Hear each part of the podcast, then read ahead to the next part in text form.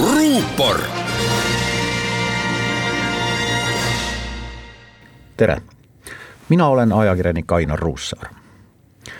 tuntud vene muinasjutust on käibele tulnud ütlus mine sinna, ei tea kuhu, too seda, ei tea mida sellise ülesande andis armukade tsaar viibukütt Andreile ja kui mu mälu mind seda lapsepõlves loetud muinasjuttu meenutades ei peta, siis sai kütt Andrei talle antud ilmvõimatu ülesandega hakkama. elu pole paraku muinasjutt, aga viimaste kuude pandeemia segadust võiks küll paiguti võrrelda kütt Andreile antud ülesandega.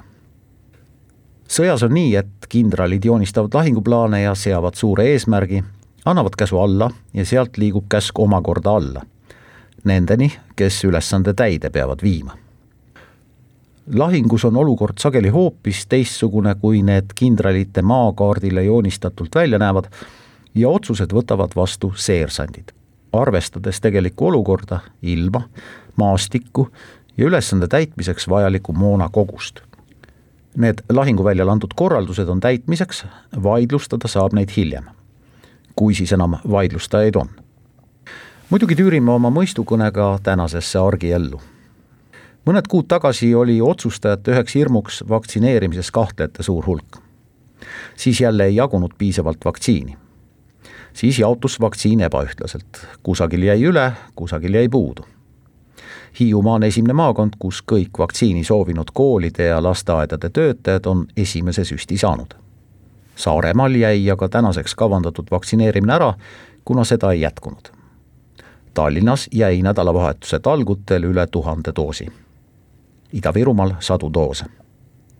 on väga loogiline, et eelise saavad need, kes on enam ohustatud, kuuskümmend ja vanemad inimesed.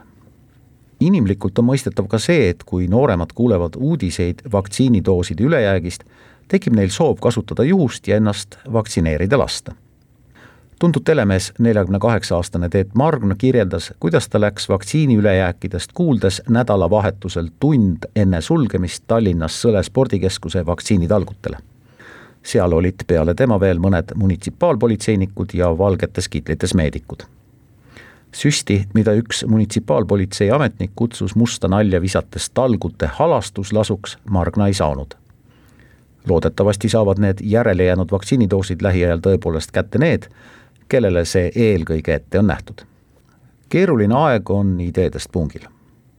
mõte, et nooremad inimesed võiksid saada vaktsiini juhul, kui toovad koos endaga vaktsineerima ka mõne eakama inimese, on kindlasti huvitav.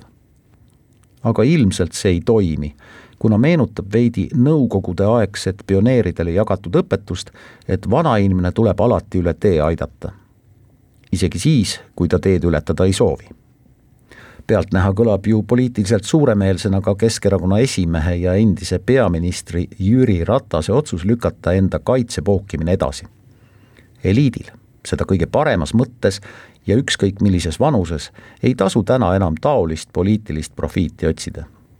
meie riigi elu korraldavad otsustajad peaksid tänaseks juba kõik vaktsineeritud olema.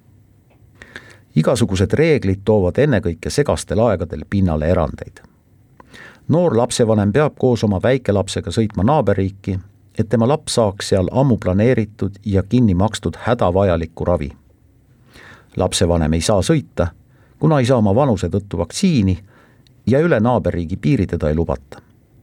laps aga vajab seda ravi, mida Eestis ei pakuta. kes ja kuidas lahendab sellised erandid?